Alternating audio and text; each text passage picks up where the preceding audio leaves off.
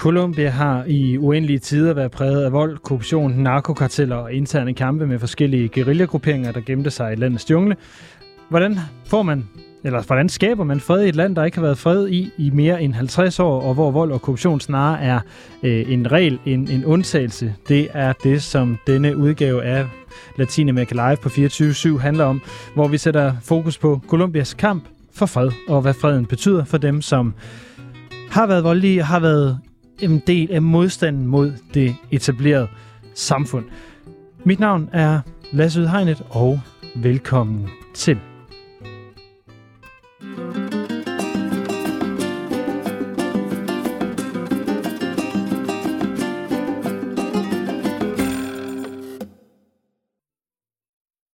Som sagt, så er det altså Colombia, der er i fokus i, øh, i denne udsendelse af Latinamerika Live på 24 Vi skal gennem to interviews i dag. Vi skal tale med øh, dokumentarfilmsinstruktør Andreas Dalsgaard, som lavede øh, en dokumentarfilm, der hedder Colombias kamp for fred, med stjålet dagens titel øh, fra den her film, som handler om øh, parlamentsvalget i Colombia tilbage i 2010, og særligt om den øh, politiske figur Antanas Mokus kamp for at blive præsident her tilbage i, øh, i 2010. Senere så skal vi så tale med øh, danske Sofie Sommer Lang, som øh, har været studerende i, øh, i Colombia og har mødt nogle af de her medlemmer af den her såkaldte FARC-bevægelse, som øh, altså har ført krig mod det kolumbianske samfund de sidste godt og vel 60 år, faktisk. FARC, skal vi lige sige, inden vi går videre, sådan, så der er lidt kontekst på det, FARC er en kommunistisk øh, oprørsgruppe, eller kommunistisk guerilla, som blev oprettet i 1964, og som altså har ført guerillakriger mod det kolumbianske samfund øh, fra junglen øh, i 60 år. Og øh, FARC er, øh, er siden blevet en del af, hvad kan vi sige, øh, det kolumbianske samfund. Der blev indgået en fredsaftale med FARC i 2016. Og øh, hvad der ligesom har ført til, at man nåede til det, og hvorfor Colombia i det hele taget er blevet så voldsomt og voldeligt et, øh, et land, det, øh, det talte jeg med uh, Andreas Dalsgaard, altså instruktøren på den her film Columbias kamp for fred om her for et, uh, et par dage siden, og det interview, det skal I have lov til at høre lige her.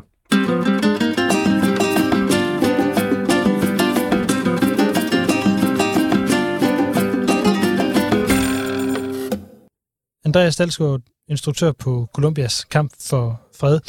Sådan ifølge dig, hvorfor er Colombia så blevet så øh, voldeligt og korrupt et samfund i det hele taget? Oh, det er en lang historie, som går mange, mange og 10'er og sikkert 100 tilbage. Det har mange årsager, men meget af forklaringen skal man nok finde i, i kulturen, forstået på den måde, at det er øh, et land, hvor det at bruge vold for at opnå politiske formål, eller det at opnå økonomiske, eller tjene sine egne økonomiske interesser, eller andre, at der er vold blevet en, et legitimt redskab. Og øh, sådan har det været i rigtig lang tid. Det har nogle specifikke sådan, historiske forklaringer, som øh, handler om øh, en klasse af jordejere i Colombia, som traditionelt set ikke har været villige til at dele magten, og øh, som har været villige til at bruge hold for at undertrykke for eksempel borgerskabet, at de gerne vil have magten. Og øhm, det går øh, helt tilbage til, til landets grundlæggelse, kan man sige. Der er en helt særlig øh, historik forbundet med tilblivelsen af FARC, som er den her terroristbevægelse, som jo har eksisteret i mange år, og øhm, som har været hovedårsagen til den vold, vi har set siden slutningen af 50'erne. Og det er fordi, at i 50'erne, der er der sådan en 10-årig periode, man kalder La Violencia, hvor de konservative og de liberale, to politiske partier og grupper i samfundet, kæmper mod hinanden, og det er en meget voldelig periode. Og der er nærmest en borgerkrigslignende tilstand i Colombia. Og øhm, den går sådan under navnet La Violencia. Og de laver så en form for magtdeling i slut 50'erne, de her to grupper og øhm, skiftede simpelthen om at have magten at have præsidentposten. Og øhm, samtidig i fællesskab, så sørger de så så, så sørger de så for, at andre grupper, ikke kan komme til magten. Og der er der jo nogle marxistiske og kommunistiske grupper, som, øhm, og socialistiske grupper, som øhm, ikke bare bliver holdt væk fra magten, men som i høj grad bliver forfulgt, slået ihjel. Øhm, det er jo også det, som, undskyld, jeg afbryder, det er jo også bare for at sige, det er jo det, vi ser over hele Latinamerika, den her periode, og FARC, som er, som du siger, den her terrorbevægelse, eller kommunistiske oprørsbevægelse, vil de nok selv kalde sig, de adopterer den taktik, som man har set i Cuba i 50'erne, hvor man laver guerilla her, som gemmer sig ude i jungleområderne, og som så laver voldelige operationer ind, øh, ind mod magthaverne for at, at omstyrte samfundet. Colombia minder jo om, ligesom du selv siger, om andre lande i Latinamerika, og øhm, den vold, vi ser i Colombia, har nogle af de samme som systemiske forklaringer. Det, der er med Colombia, der, der har det på mange måder været værre, og øhm, volden har været mere øhm, brutal, og øhm, de her terrorgrupper har været mere øh, magtfulde og stærkere. Det har to forklaringer. Det er både fordi, at den magthavende klasse i Colombia har været rigtig slemt til at slå øh, andre grupper ihjel, som troede magten. Det har også selvfølgelig også en forklaring i øh, handel med narko og kokain særligt, som opstår i 70'erne. Fordi det giver den her terrorgruppe FARC en måde at tjene penge på, som bliver kanaliseret ind i kampen med magten. Ja, og som, som, bliver, som bliver endnu mere voldelige, fordi så begynder de her karteller, eller narkohandlere også at slås med hinanden om, hvem der har magten over det område, og de har rigtig mange penge, så de køber sig til også til magt og til våben, og de bevæbner, øh, som vi jo kender det fra Pablo Escobar og Medellin-kartellet, eller fra Galli-kartellet, man ender med at bevæbne nærmest øh, små hele dele af samfundet øh, med våben, så alle ligesom har adgang til at gøre noget med, øh, med våben, hvis man føler sig troet eller øh, angrebet, og nu tænker jeg særligt på, på de her magtkonstruktioner, samtidig med, at ja, den, den legitime... Så sker der en forfærdelig, en forfærdelig sammenblanding af øh, både kriminelle interesser og politiske kampe, fordi de her karteller i nogle områder, der er samarbejdet med de paramilitære hollandske grupper, som kæmper for magt og øh, terrorgrupperne. Øhm, I andre områder af Colombia, der samarbejder de med FARC og øhm, øh, ELN, som jo også er en, øh, en marxistisk øh, Øh, jeg tror, den marxist, i hvert fald øh, venstreorienteret øh, terroristgruppe. Og øhm, det, øh, det skaber jo en, en forfærdelig cocktail, som i årtier holder Colombia i sådan en form for øh, øh fastlåst greb, fordi det politiske system, øh, som jeg sagde tidligere, altså de liberale konservative deltager magten, der kan ikke ligesom komme nye grupper, som kan udfordre magten, fordi at øh, den dominerende klasse og særligt de konservative, siger jo hele tiden, jamen hør her, hvis I stemmer venstreorienteret, hvis I stemmer til venstre fra midten, så øhm, kommer I til at stemme på nogen, der støtter FARC, eller støtter terroristerne. Så øh, det bliver sådan et politisk argument, som også gør, at forandring i Colombia, hvor den nu end måtte komme fra, er enormt øh, svært at gennemføre. Så vi ser modsat andre lande i Latinamerika, vi ser faktisk ikke rigtig nogen udskiftning af magten Øh, vi ser ikke for eksempel ligesom i Brasilien, hvor øh, Lula kommer til, øh, og øh, han har jo selv en baggrund som øh, friheds, eller hvad kalder man det? Han har selv en baggrund som, hvad kalder man noget? Det er jo terror jo også. Et ord her. Ja, men, men i hvert fald som, som en, der har været i, i meget kraftig, kan vi kalde det måske, opposition til, øh, til, til det etableret på, på, på den måde. Øh, for at så hoppe lidt frem i, i, i tiden, så har der jo, som man jo også ved, været mange forsøg på at skabe fred og, og antikorrumpere Colombia. Øhm, hvilke, hvis du nu det skal tage sådan det historiske vy ud over det, hvilke historiske begivenheder eller punkter kan, kan, kan vi ligesom pege på og sige, her bliver der gjort noget, noget ekstraordinært, eller her lykkedes der noget, hvis vi tager sådan, du ved, den lidt grove overflyvning fra, fra tusindskiftet og frem?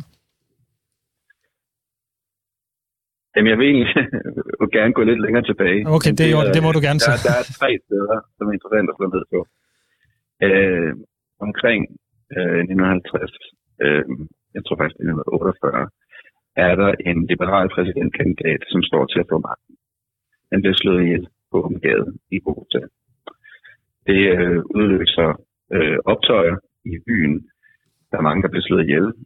Det er byen brænder ned. Og det bliver i virkeligheden afsættet til den her periode, der kaldes La Violencia.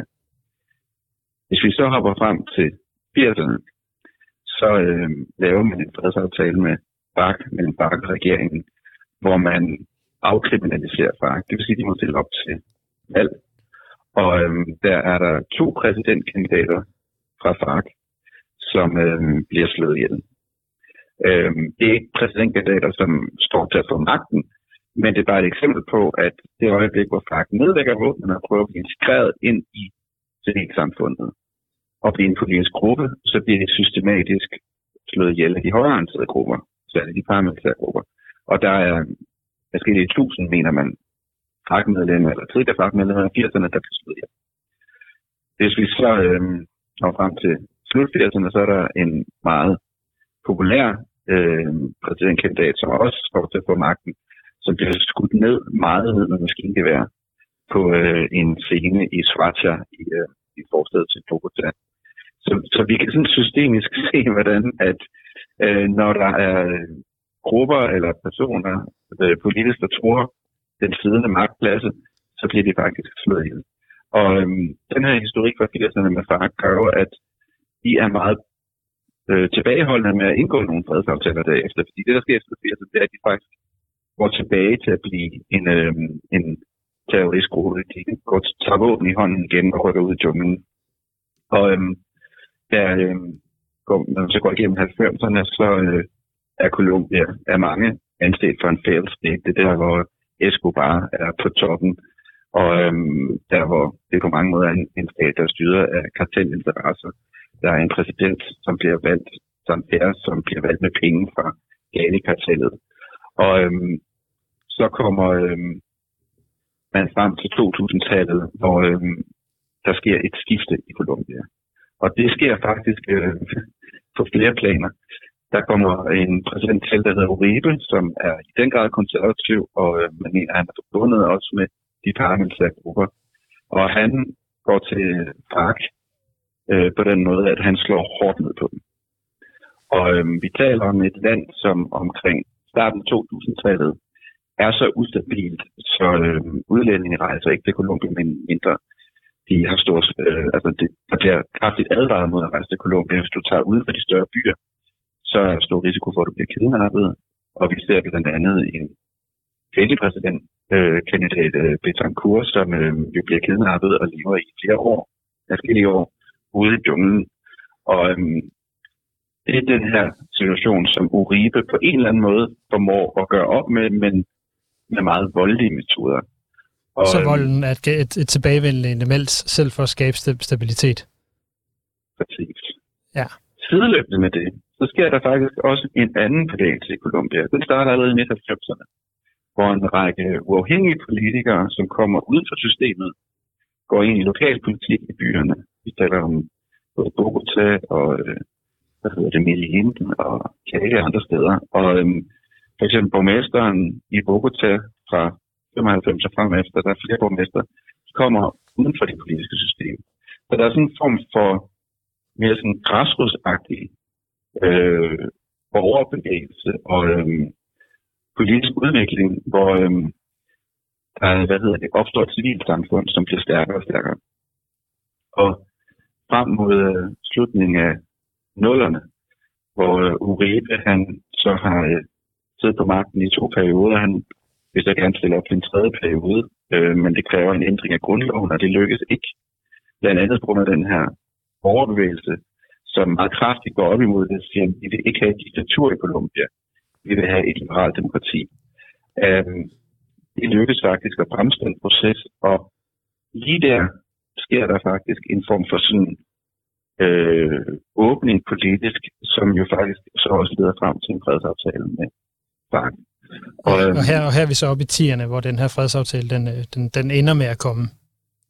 Ja, lige præcis. Så Colombia er et meget interessant land, fordi det, øh, er på den ene side ekstremt voldeligt. Der er både politisk vold, der er voldsom kriminalitet, der kan tælle.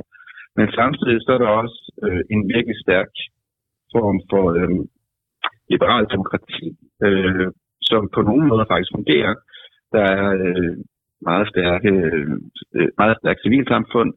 Øh, det er et meget urbant samfund. Øh, der er en ret stor, veluddannet middelklasse. Så du har sådan ret voldsomme ekstremer i det der land, som kæmper imod hinanden, og, øh, og som er omkring 2009-2010, øh, der kan man se et skifte, hvor de mere fredsøgende øh, kræfter, de mere liberale kræfter i landet, øh, der er en præsident, der hedder Juan Manuel Santos, som kommer ud af en familie, som i ja, nærmest 100 år har været en central del af det liberale parti. Han bliver præsident og øh, bliver øh, i virkeligheden en, som øh, i gang sætter den her fredsproces og gennemfører en fredsaftale med Barack. Ja, og Men det, det kan han kun gøre, fordi han har civilsamfundet bag sig. Øhm, og øhm, og det, det, der er interessant ved den der periode der, som jeg så også fuldt og har lavet fiktionsfilm om, det er, hvordan det her civilsamfund, der opstår fra 95 og frem efter, det muliggør øh, en, ny, en ny situation. Ja, og det er jo her, hvor, øh, hvor vi så kommer til den her øh, dokumentarfilm, blandt andet, som er en af de ting, du har lavet, som, som jo hedder Colombias kamp for fred, og som følger det valg, hvor Juan Manuel Santos han vinder præsidentskabet i 2010, hvor der øh, stiller, eller ender han i, i en afgørende runde mod øh, Antanas Mokus, som er den her, en af de her ledende figurer, som du nævner i det her civilsamfund, som kommer ind og får en borgmesterpost i Bogotá. Han er borgmester fra 2001 til 2003, og, og den første borgmester, øh, som du beskriver, der kommer ud af det her græsrodsmiljø, så han er også borgmester i Bogotá fra 95 til, til 97. Øhm, lad, os, lad os prøve at bruge øh, Mokus her som, som et billede på, på, på det civilsamfund, der, der vokser frem, fordi han jo står som en af dets ledere. Hvad er det, han kan eller kunne øh, og gjorde? Øh, re, nu tænker jeg i virkeligheden rent symbolsk øh, i forhold til, til det her, vi taler om med vold. Jamen, øh, vi kan starte med den måde, han, han bliver politiker på, som på mange måder indfanger det, vi har talt om i, i sådan øh, en nødskal. Han er øh, rektor på det nationale universitet. Han har en baggrund som filosof, har forholdt sig til og researchet, eller har som forskningsområde, øh, hvordan man kan øh, lave dialog og bruge pædagogik som et redskab til at skabe dialog i samfundet. Og øh, han så rektor på universitetet, så øh, er der en institution i Colombia, vi taler midt 90'erne, hvor øh, det er nærmest den her failed state, og de studerende på universitetet er både ret radikaliseret og enormt brede på magthaverne. Magthaverne er korrupte, og øh, de vil sådan set gøre oprør mod alle former for magt. Og øh, der er der så et meget berømt øjeblik, som er en, et møde i øh, den store aula i, øh, på universitetet, der er 2.000 studerende til stede. Antanas Mokus her, han står på scenen og skal holde tale for dem. Og øh, de er simpelthen så vrede på magten, at selvom han egentlig er en repræsentant for noget andet end den her korrupte magt, øh, han er filosof og så videre, så øh, skal han også være en, man går oprør imod. Så de råber og kaster ting ud af ham, og der er et eller andet politisk, som de er vrede over på universitetet på det tidspunkt. Så øh, han bliver så arg over, at han ikke får lov at tale, at han i sin rent som ejerskab går ud midt på scenen, vender sig om og hiver bukserne ned og viser sin barrum. Og ikke, ikke nok med det, han, han spreder ballerne mm. ud mod de her 2.000 studerende. Og øh, de blev dybt chokeret, og der blev helt stille i salen.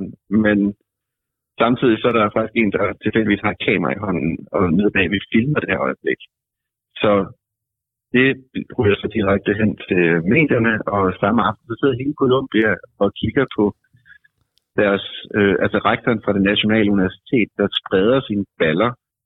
Og øhm, det er jo en kæmpe skandale. Men, men han, undskyld, jeg lige afbryder det her, fordi jeg synes, jeg synes det han, Antonas Mokus, han selv siger til medierne, bagefter er jo virkelig det, der er allermest interessant her, ikke? At, at på baggrund af det, han, han nu end har gjort her, så, håber, så fik de jo trods alt at se, hvad hedder det, fredens hvide farve, øh, med god reference til, til hans, egen, hans egen bagdel. Øh, og det, det... Men, men noget, han, noget han også siger, det er, at øh, det vi skal lære som samfund, det er, at vi skal møde vold med en deeskalering af vold. Så hvis du er nogen, der agerer voldeligt over for dig, så skal du møde dem med en lavere form for vold.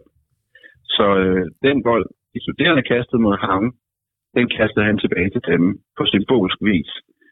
øh, ved at vise tilsvarende afskyer for dem en deeskalering. Øh, og det bliver sådan en, en form for mantra for hans måde at gå til det her samfund på. Det er, at vi skal lære som samfund at være mindre voldelige. Øhm, så øhm, som du selv siger, så øh, siger han også det der med fredens farve, men, men han blev også fyret på universitetet, og, øh, altså uden arbejde. Og samme måned, eller tre måneder senere, er der så valg til borgmesterposten i Bogota. Det er den næste vigtigste politiske post i landet. Og der er nogen, der for sjov opfordrer ham til at stille op, fordi han er blevet lige en, en form for antihelt. Et eksempel på en, der siger fra over for tingenes tilstand. Ja. Og, øhm, og han bliver valgt ind som borgmester øh, i en kampagne, der koster næsten ingen penge. Han kommer fuldstændig ud fra det politiske system. Og øh, så gør han det til sin målsætning og, og gør øh, vores borgmesterkontor til sådan en form for øh, pædagogisk redskab over for befolkningen til, at vi har et problem som samfund, som kultur, som er, at vold er blevet et legitimt redskab for alle mulige ting. Vi er nødt til at lære, at det ikke skal lade den her vold her. Og øhm, det bliver så øh, noget, han gør på alle mulige meget kreative måder også. Ja, jeg, jeg, jeg øh. nævner lige nogle af dem, inden vi går videre. Blandt andet så sender han jo, hvad hedder det, jeg synes bare, jeg synes bare det, det, for at illustrere, hvad, hvad det er, han gør så godt. Ikke? Altså, han sender 420 mimer på, på gaden for at, at lave sjov med folk, som hvad hedder det, bryder trafikreglerne, fordi han, han siger, at kolumbianere er mere bange for, for at blive gjort til grin, end de er for at få bøder. Han øh, laver netter, hvor mænd ikke må gå ud, hvor det kun er kvinder, der er, er, er, må, må, må gå på gaden, øh, blandt andet. Øh, så der, han, han laver netop... Som, som, undskyld. Ja, men et, et, et rigtig godt eksempel også er, at han øh, laver en form for undervisningskampagne i fængslerne, sådan at de kriminelle de bliver undervist i, hvordan at de kan begå ikke voldelig kriminalitet ud fra den erkendelse, der ligger i, at når, man, altså, når folk kommer ud af fængslet, så er der en ret stor chance for, at de kommer til at begå tyveri og andre former for kriminalitet. Men hvis vi kan lære dem at gøre det på en måde, hvor de mindst ikke slår nogen ihjel, mens de gør det, så har vi faktisk øh, opnået rigtig meget. Og, øhm, og alle mulige sådan nogle tiltag der, som jo grundlæggende handler om at, at deeskalere folk. Mm. Og øh, nu, nu kan vi jo så se tilbage på ham her med, med, med næsten 30 års, eller i hvert fald 25 års, øh, hvad hedder det, afstand. Øh, han vinder jo ikke præsidentembedet øh, der i 2010, det har vi jo allerede konstateret. Men hvad er det hans filosofi, er det han, så hans filosofi, der vinder? Er nok heller det, jeg vil spørge om. Der er i hvert fald en meget interessant situation politisk lige der, som får rigtig stor betydning for den følgende fredsproces. Fordi ham, altså det der jo sker der i 2010, der er der Andreas Mogus, som har været borgmester i Bogota to gange, er blevet sådan en form for øh, anti-establishment-ikon i Colombia, og kolumbianerne forstår, hvad han står for. Øh, den her kulturelle forandring, den her måde at sige fra overfor på. Øh, han stiller jo så op mod Uribes højre hånd, som er Juan Manuel Santos, der er været vicepræsident. Og øh, i 2010 står det til, at Antanas Mogus, han vinder det her valg. Af forskellige årsager lykkedes det så ikke at vinde valget. Der er mange, der mener, der var valgsvindel involveret. Der er også mange, der mener, at stemmer blev købt, og på anden vis var der i hvert fald øh, en masse eksempler, som vi også viser i filmen på, at øh, Uribe og hans præsidentkandidat, den højre hånd, som bliver altså præsident for Manuel Santos, bruger en masse beskidte tricks i bogen, såsom løgnehistorier af medierne, og derudover har de jo en masse, masse ressourcer til rådighed øh, til at drive kampagne. Og øhm, det, der jo så sker der i 2010, det er, at Andreas Mokus står til at vinde valget, men på valgdagen, så øh, er det Juan Manuel Santos, der vinder. Men Juan Manuel Santos har en baggrund i det liberale parti, hvor Uribe, som var præsident indtil det øjeblik, kommer fra det konservative parti og kommer ud af en familie, som traditionelt er sådan en del af den, den landeegne øh, adelsklasse, kan man kalde det nærmest.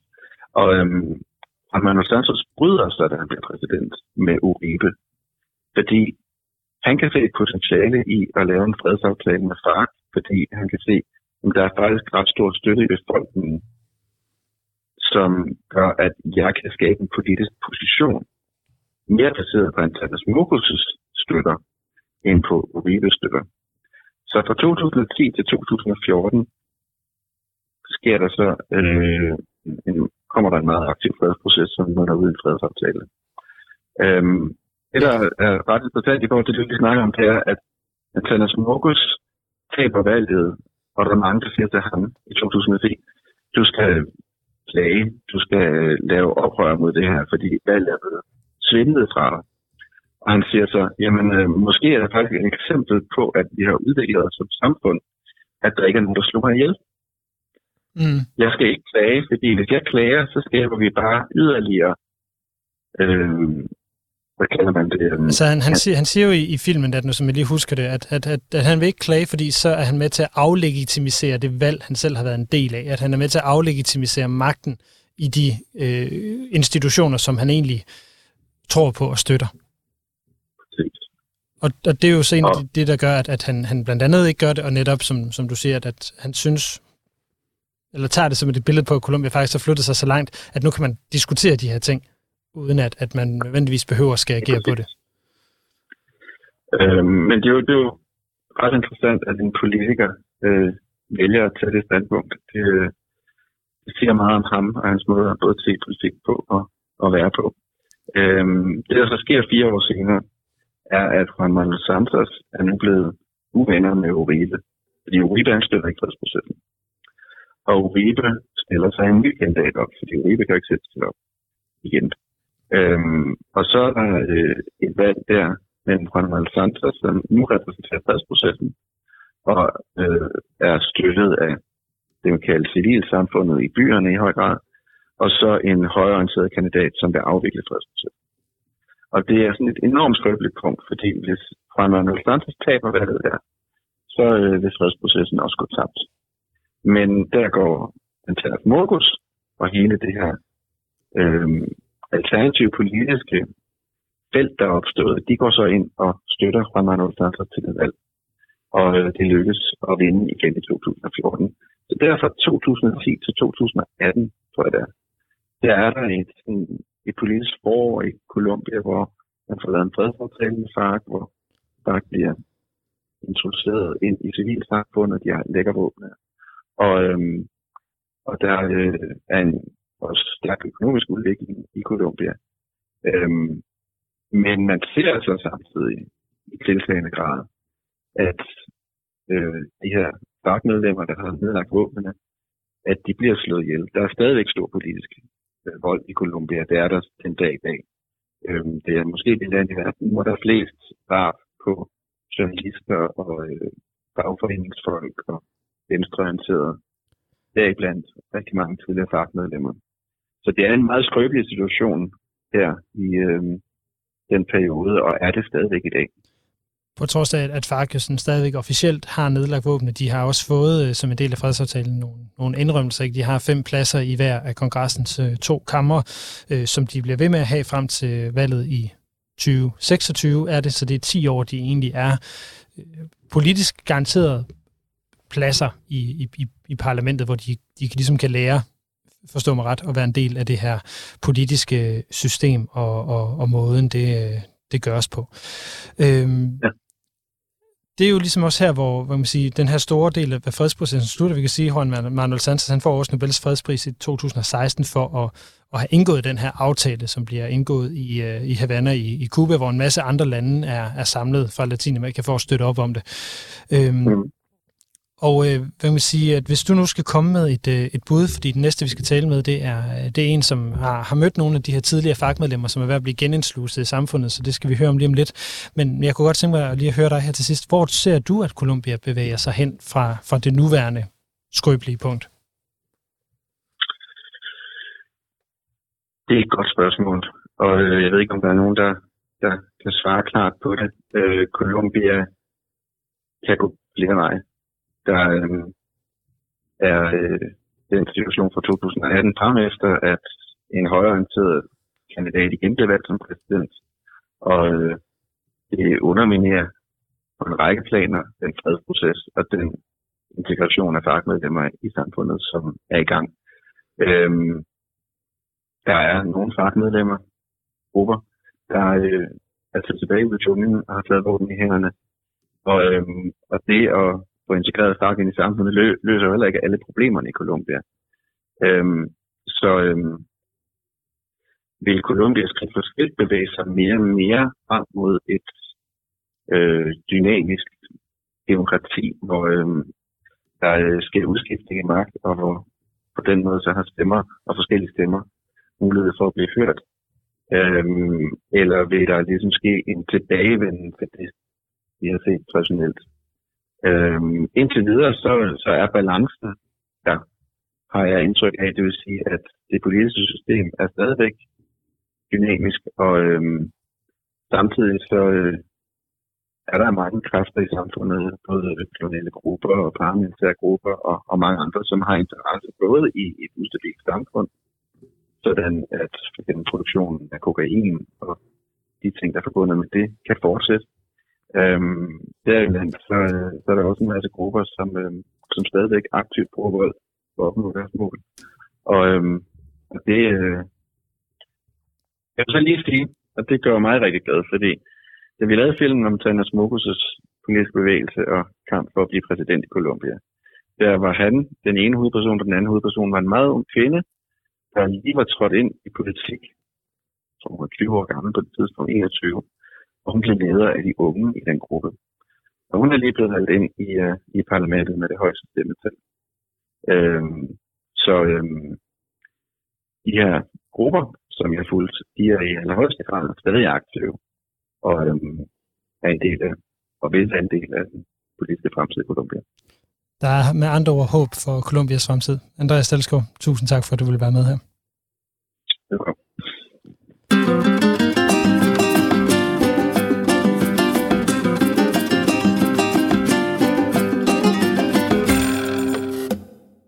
Det var altså Andreas Dalsgaard, instruktør på dokumentarfilmen Columbias kamp for fred fra 2014 om de her alternative bevægelser og øh, Antanas Mokus forsøg på at blive præsident i 2010. Øh, nu øh, nævnte, vi, nævnte vi lige de her Øh, altså, der er voldeligt i Colombia, der er meget korruption osv. Jeg vil lige tilføje, at øh, mål på, øh, på antallet af mor, så har øh, mor været en, en faldende tendens i, i, i mange år, og korruptionsniveauet er ifølge, hvad hedder det, Transparency International Index øh, været uændret i, i flere år, men er blevet en smule bedre på, øh, på det seneste. Så som vi hører, så går det generelt fremad på, på flere nævneværdige punkter, og det afspejler sig også i nogle af de her store internationale indeks, som altså arbejder med det.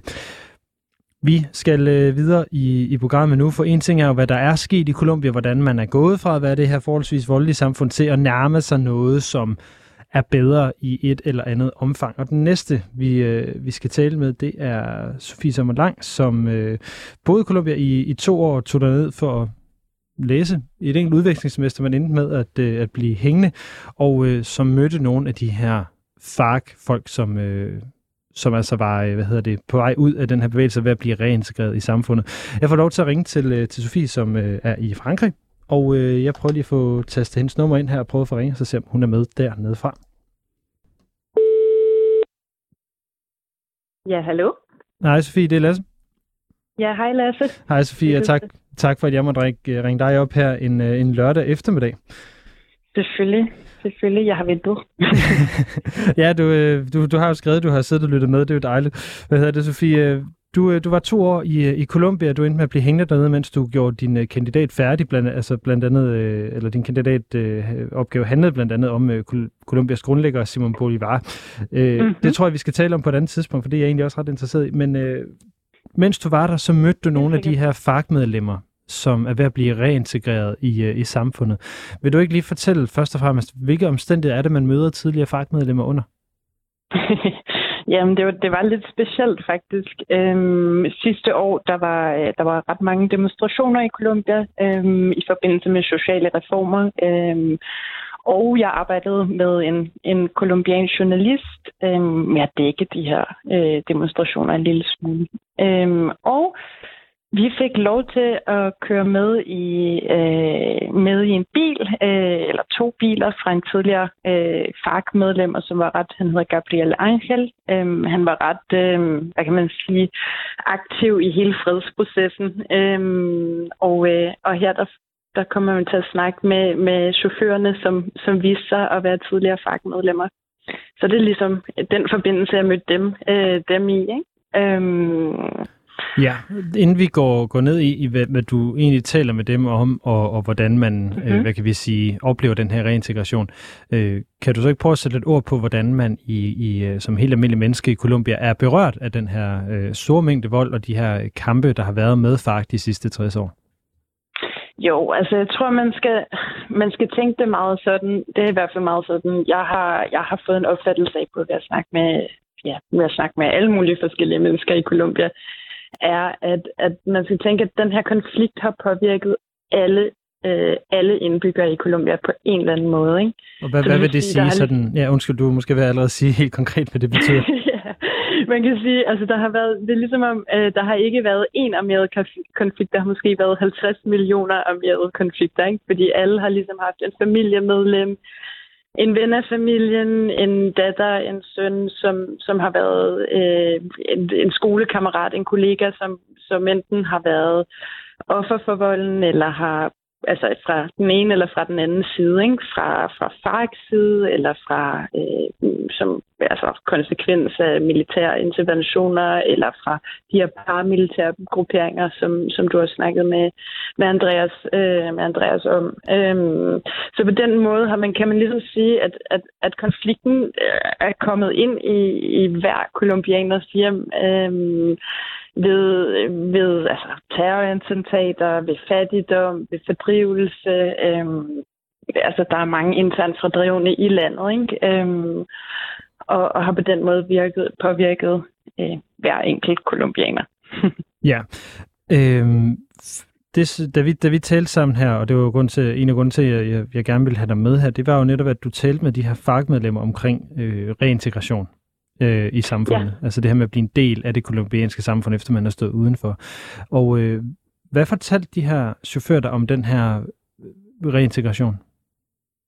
Jo, altså man kan sige, det, det interessante var, at, at øh, at de var meget sådan stille omkring det, ikke? og det var først med, med tiden, når man ligesom sidder og snakker, og man snakker om de her demonstrationer, der er i gang, og øh, vi blev tilbageholdt af politiet på et tidspunkt øh, på sådan en lidt voldsom måde, øh, fordi vi kørte øh, i biler, fordi vi øh, var ude og optage ved nogle, ved nogle demonstrationer. Ikke?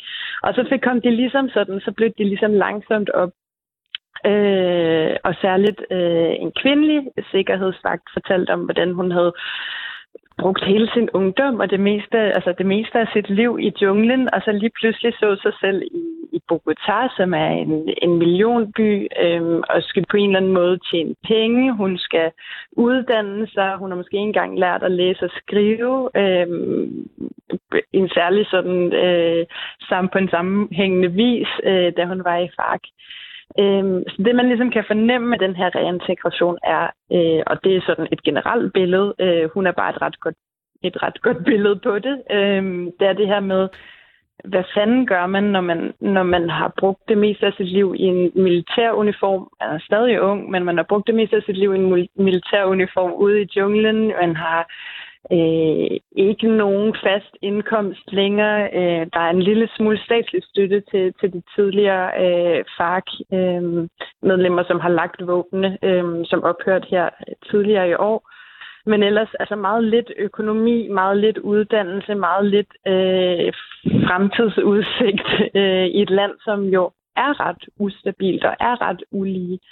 Øhm, og det, det fortalte hun en del om, øhm, og hvordan hun ligesom på en eller anden måde prøver at navigere igennem det øh, ja. i sit daglige liv. Sådan, det, er, det er jo der er mange ting, der jeg synes, der er spændende på at gribe, men, men først og fremmest øh, følte hun sig tryg af at være ude af FARC. Var det, havde du indtryk af det? På en daglig basis, ja. Altså man kan sige, hun var jo sikkerhedsvagt for et lidt sådan højrestående medlem af FARC, ikke? Øh, eller tidligere højrestående medlem af FARC. Og hun var jo ligesom, de var jo ligesom sikkerhedsfolk af en grund, ikke? Altså, han, han kører rundt med to kæmpe store biler øh, hver dag, ikke? Øh, mm. Så bare i det kan man sige, at der er noget ret sådan usikkert. På en daglig basis tror jeg, hun følte sig sådan fysisk sikker nok. Øhm, altså for eksempel, øh, når de oplever altså på deres job ikke, at blive stoppet af politiet, er der nogle ret sådan, strikse konventioner for, hvor må de blive stoppet, hvor må politiet gennemsøge deres biler, og så videre, og så videre. Altså, som er noget, der sker ofte. Øhm, fordi at der simpelthen også kan være trusler, altså sådan fra politiets side, ikke? Altså sådan var deres, var deres version af, af historien, ikke? Ja, så. præcis. Øh, så noget af det, som Andreas jo fortæller, det er, at der stadigvæk er, er er mor på, på tidligere fagmedlemmer, fordi der stadigvæk er mhm. bitterhed mm-hmm. i det, og det var, det var nok i virkeligheden den, jeg sådan, øh, sådan ledte efter. Øh. Ja, for eksempel her i april i år, undskyld, øh, her i april i år, der, der, der så man en unders altså, øh, et, dokument underskrevet forskellige civilsamfundsorganisationer, politikere og, og eks-fagmedlemmer, ikke, som ligesom øh, bad regeringen om at skrive ind, ikke, fordi man mener, øh, at der er over 300 øh, medlemmer, der er blevet, der er blevet myrdet, ikke, mm. som de har lagt våbne. Hvordan øh, oplevede du, at andre kolumbianere talte om FARC? Jeg tror ikke, altså... Jo, det kommer an på, hvem du taler med. Øh, jeg tror ikke, FARC er det største sådan bekymring, øh, som mange særligt unge har i øjeblikket. Ikke? Øhm, altså jeg tror, der, der er så mange forskellige grupperinger. Det er sådan, sådan et kompliceret politisk landskab ligesom at, at navigere rundt i. Så jeg tror, mange unge for eksempel ser det som en kæmpe stor del af deres fortid og landets øh, nuværende situation, og der er enormt meget sorg forbundet til det. Men, men de har ligesom også mange, altså de har ekstremt mange ting på dagsordenen, ikke? Øh, hvor jeg tror, at måske en lidt ældre generation er mere sådan fokuseret på, på, på FARC og på øh, på hele den sådan øh, voldelige, øh, voldelige historie, som, som de jo er vokset konkret op med, ikke? Øhm, og meget, meget tæt op med. Øhm, ja, hvis I nu, så nu det kommer vi... meget an på, hvem du taler med, ikke? ja, yes, det, det, det, det, er sådan et, et, et oplagt svar, han, han har sagt. Fordi nu, nu har vi også hørt her fra, fra interviewet med Andreas Dalsgaard, at der er mm-hmm. et, øh, et, et, et, altså en ny generation, hvor man vil noget andet, og hvor man egentlig også har mm-hmm. lykkedes med, øh, med noget, noget andet. Øh, hvor gamle var de her fagmedlemmer? Bare sådan før på tasken. De var sådan et sted i mellem 20 og, og 40. Der var et 3-4 stykker, som jeg nåede at snakke med. Så, så de, så de jo var relativt, relativt unge, så de er jo så også en del af den her nye generation. Altså ikke, at de nødvendigvis mm-hmm. vil, det, vil det samme, men, men, men talte de om, eller hvilket indtryk fik du af deres øh, vil sige, holdning til, til, til den måde, et, et samfund, eller et, et politisk samfund måske skal være? Altså, det interessante er, at, at mange, jeg har snakket med, har den indstilling er, at freden har fejlet. Ikke? Altså den fredsproces og hele fredsaftalen har fejlet. Ikke? At, at der ligesom er gået, der er gået givet i det, øh, hvis man skal sige det på sådan en ret light måde. Ikke? Ja, men det, det, men tror, det, tror jeg, det tror jeg, jeg har brug for lige at få uddybet, hvad det betyder, at der er gået givet i den. Så kan vi komme til at gå videre derefter.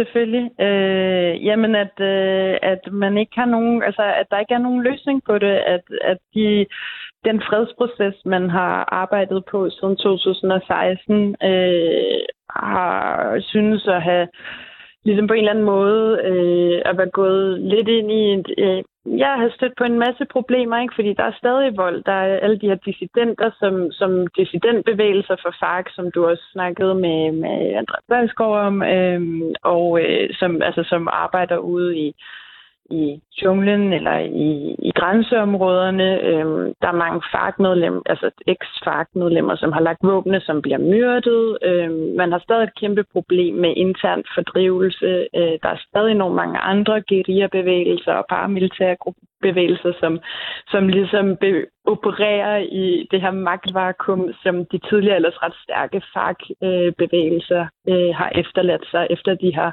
lagt våben. Ikke?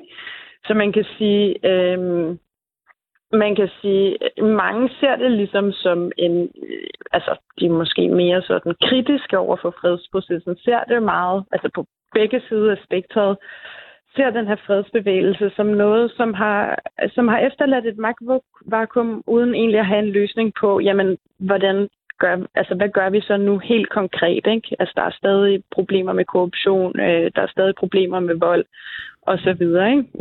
så, Så, øh, så ligesom for at fortsætte i samme spor, som, som I stoppede i, øh, i det foregående interview, øh, det er det, som mange, mange ligesom, øh, ser som, som den ged, der er gået i freden. Ikke? At den, det var ikke så let, som, som det så ud til at være i 2016. Nej, men det, det ligner det jo også en lille smule, eller på, det ligner det jo på trods af alt, at det gør på papiret, ikke? fordi at FARC har som, som jeg også nævnte tidligere, de her 10 pladser mm-hmm. i, øh, i, i Colombias, hvad hedder mm-hmm. det, parlament, i de fem i de to forskellige kammer, mm-hmm. så de er blevet anerkendt, de er ligesom et et reelt øh, politisk øh, parti. Så, så nu, nu spørger jeg måske lidt dumt, men det er ikke bare fordi, de ikke øh, hvad kan man sige, lykkes med at slå igennem parlamentarisk, eller vinde, vinde decideret opbakning i befolkningen? Jo, altså man kan jo sige, hvis man ser FARC, eller jeg tror, de har skiftet nu til Kommunis her sidste år, øh, altså de, de almindelige, de fælles. Øh, hvis man ser dem som, som ligesom en politisk magtfaktor udelukkende, så kan man sige, så har de jo vundet ret meget. Men hvis man ser det sådan fra den almindelige, sådan civile kolumbianers øh, synspunkt, så tror jeg måske, øh, og også de her tidligere FARC-medlemmer øh, synspunkt, så, så, øh, så er det mere kompliceret end som så. Ikke? Altså fordi, at man stadig altså helt reelt på, på dag-til-dag plan oplever en vold og et kompliceret politisk spektrum og, altså, og en usikkerhed i forhold til forskellige sådan øh, grupperingers øh, angreb eller, eller magt i landet. Ikke? Øhm, altså man kan sige, at der er stadig enormt meget narko, øh, narkoproduktion øh, og handel, ikke? og det er jo bare nye grupperinger, der har taget over. Så man kan sige, ja, hvis vi ser på, på, på det politiske spektrum, så, så kan man sige, så har FARC vundet en del. Øhm, de har måske ikke sådan helt vildt meget magt sådan politisk endnu, men, men de er da blevet sådan accepteret som et politisk parti mere eller mindre men måske på et mere sådan reelt gadeplan eller sådan landsplan, øh, så er det ligesom bare efterladt endnu et, et hul, ikke? som man på en eller anden måde skal finde ud af og redde ud. Ja, hvad tror du, ja. øh, hvad tror du der sker med de her, øh, med dem, der har været en del af den her fagbevægelse? Altså, der er jo nogen, der er gået tilbage til junglen og ligesom har genoptaget mm. øh, kampen, som de ville sige. Øh, tror du, at der ja. er flere, der kommer til at gøre det? Mm, ja, yeah, det kunne jeg godt forestille mig. Altså jeg vil sige, de her sikkerhedsvagter, de var jo sådan ret heldige, fordi de havde jo sådan set et stabilt job. De skal jo holde, altså, de skal jo holde øje med, med ham her, øh, øh, fag, øh, den mere sådan højtstående fagmedlem hver dag. Ikke? Så de har en stabil indkomst. Øh, de, øh, øh, hende, den, den unge kvinde, hun, hun var ved at uddanne sig inden for musik på universitetet og havde fået et barn, øh, noget som man ikke havde lov til, øh, da man var i fagbevægelsen. Øhm, men jeg tror, øh, og de havde sådan set et meget sådan pragmatisk syn på, på freden. De ville ikke gå så meget ind i det. De, de var mere sådan, der er både nogle gode ting og nogle dårlige ting ved det. Øhm, men jeg kan forestille mig med den politiske situation, der er, øh, med de sådan, øh, problemer, der er generelt i landet i forhold til ulighed og korruption. Der er enormt mange sådan, også flygtninge fra, fra Venezuela, eller migranter fra Venezuela, altså som ligesom gør Colombia til sådan en, en, en kedel, ikke? Som, som, øh, som er ved at koge over. Ikke? Øh, kan jeg godt forestille mig, at, at flere ligesom vil søge en eller anden form for for sikkerhed, ikke? som de her, øh, som FARC for eksempel har givet dem før i tiden, ikke? som er et fællesskab, som er en indkomst, og som er noget, de simpelthen kender til. Øhm, ja, og skulle navigere i. Netop som, som du siger, ikke? Altså, Colombia er jo ret presset. Der er jo over, øh, mener, 4 millioner venezuelaner, der er kommet til, til landet efter, mm-hmm. øh, hvad hedder det, Maduro kom, kom til magten i, i, Venezuela. Så det er jo et enormt stort antal flygtninge. Det er jo noget, som vi i Danmark øh, har, det, vil have meget svært ved at forestille os.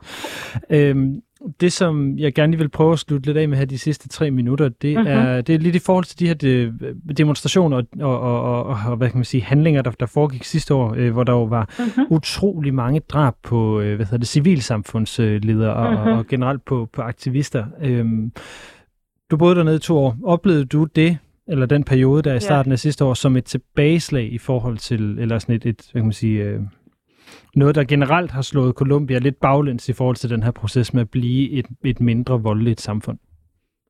Man kan sige, ja. Altså, fordi det startede jo faktisk allerede i 2019, altså da man havde hele den her bølge af demonstrationer i Latinamerika, ikke? Øh, og så havde man en, en ret stor demonstration i, i november 2019 i Colombia, som ligesom er blevet til hashtagget 21N, ikke? Så, som ligesom blev sådan en, en mærkedag ikke? For, for de unge kolumbianere. Øhm, og det fortsatte så, da, da nogle af de her corona-restriktioner lettede øhm, i, i april øh, 2021. Øhm, og, og man kan sige, ja, altså det, på den ene side, så, så er det tilbageslag for, for Colombia, fordi at, at man ligesom, de unge mistede virkelig tro, tror jeg, på deres fremtid i landet. Ikke? Og det er om ikke andet de unge, der skal, der skal bygge fremtiden i, Colombia. Ikke? Altså det, det er ligesom dem, som, som burde være vejen ud af korruption, vejen ud af, af, af ulighed, fordi det reelt øh, er dem, der er der i morgen. Ikke? Øhm, så på den måde, så tror jeg, det er et tilbageslag for, for freden. Det tror jeg, du har ret i. Øhm, eller det, det, vil jeg mene, det er øhm, på den måde, at, at den tro, der måske var på systemet, eller i hvert fald en bespirende tro på, på noget, der var ved at, at gå godt i Colombia, den, den, den fik et ret hårdt slag sidste år under demonstrationerne, og alle de her mor- og, og voldelige overgreb på, på civilsams, øh, civilsamfundsaktører. Mm. Øhm, helt sikkert. Sofie, så langt det sidste spørgsmål, jeg, jeg lige vil stille dig her, det er, hvis du kigger 10 år ud i fremtiden, er Colombia så blevet mm-hmm. et mindre voldeligt og mindre korrupt land, end det er i dag? Det vil jeg virkelig håbe. Øh, jeg, tror, jeg, vil, jeg tror, jeg vil sige det samme, som, øh, som jeg blev enig om for, for en 20 minutters tid siden. Mm. Altså, det, det er sgu svært at sige, men det vil jeg virkelig håbe, og jeg ved, der er enormt mange ressourcefulde øh, mennesker i Colombia, som, som virkelig arbejder hver dag for at gøre det til et mindre voldeligt samfund. Spørgsmålet er bare, om de lykkes med det, når systemet fortsætter, sådan som altså det politiske system fortsætter med at have enormt mange øh, udfordringer, øh, som det allerede har. så det tror jeg vil være mit svar. Det er, det er jo, jeg havde håbet på et ja, men sådan, uh, sådan er det jo. Men uh, Sofie Sommerlang... Jeg håber.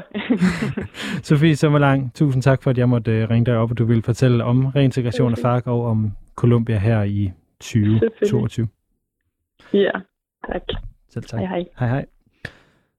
Og med det, så er vi altså ved at nå til vejs ende for den her øh, weekends udgave af Latinamerika Live på 24-7. Vi talte også om Colombia sidste weekend, der talte vi om kolumbiansk musik. Den udsendelse ligger som podcast. Det kommer den her også til at gøre øh, lige om lidt. Der kan I finde den, øh, det bliver i morgen, søndag eller mandag, hvor den ligger som podcast, der hvor I nu finder jeres podcast. Husk, at I skal klikke under det lidt snørklet navn 24-7 Talent Live for at finde vores udsendelse. Så skriv til mig, Lasse Udhegnet, på de sociale medier, så skal jeg nok sende links eller andet videre. Nu er der ikke andet end at sige en uh, øh, tusind tak til jer alle sammen for, at I har lyttet med. Ha' en rigtig god lørdag aften. Nu er der nyheder her på 24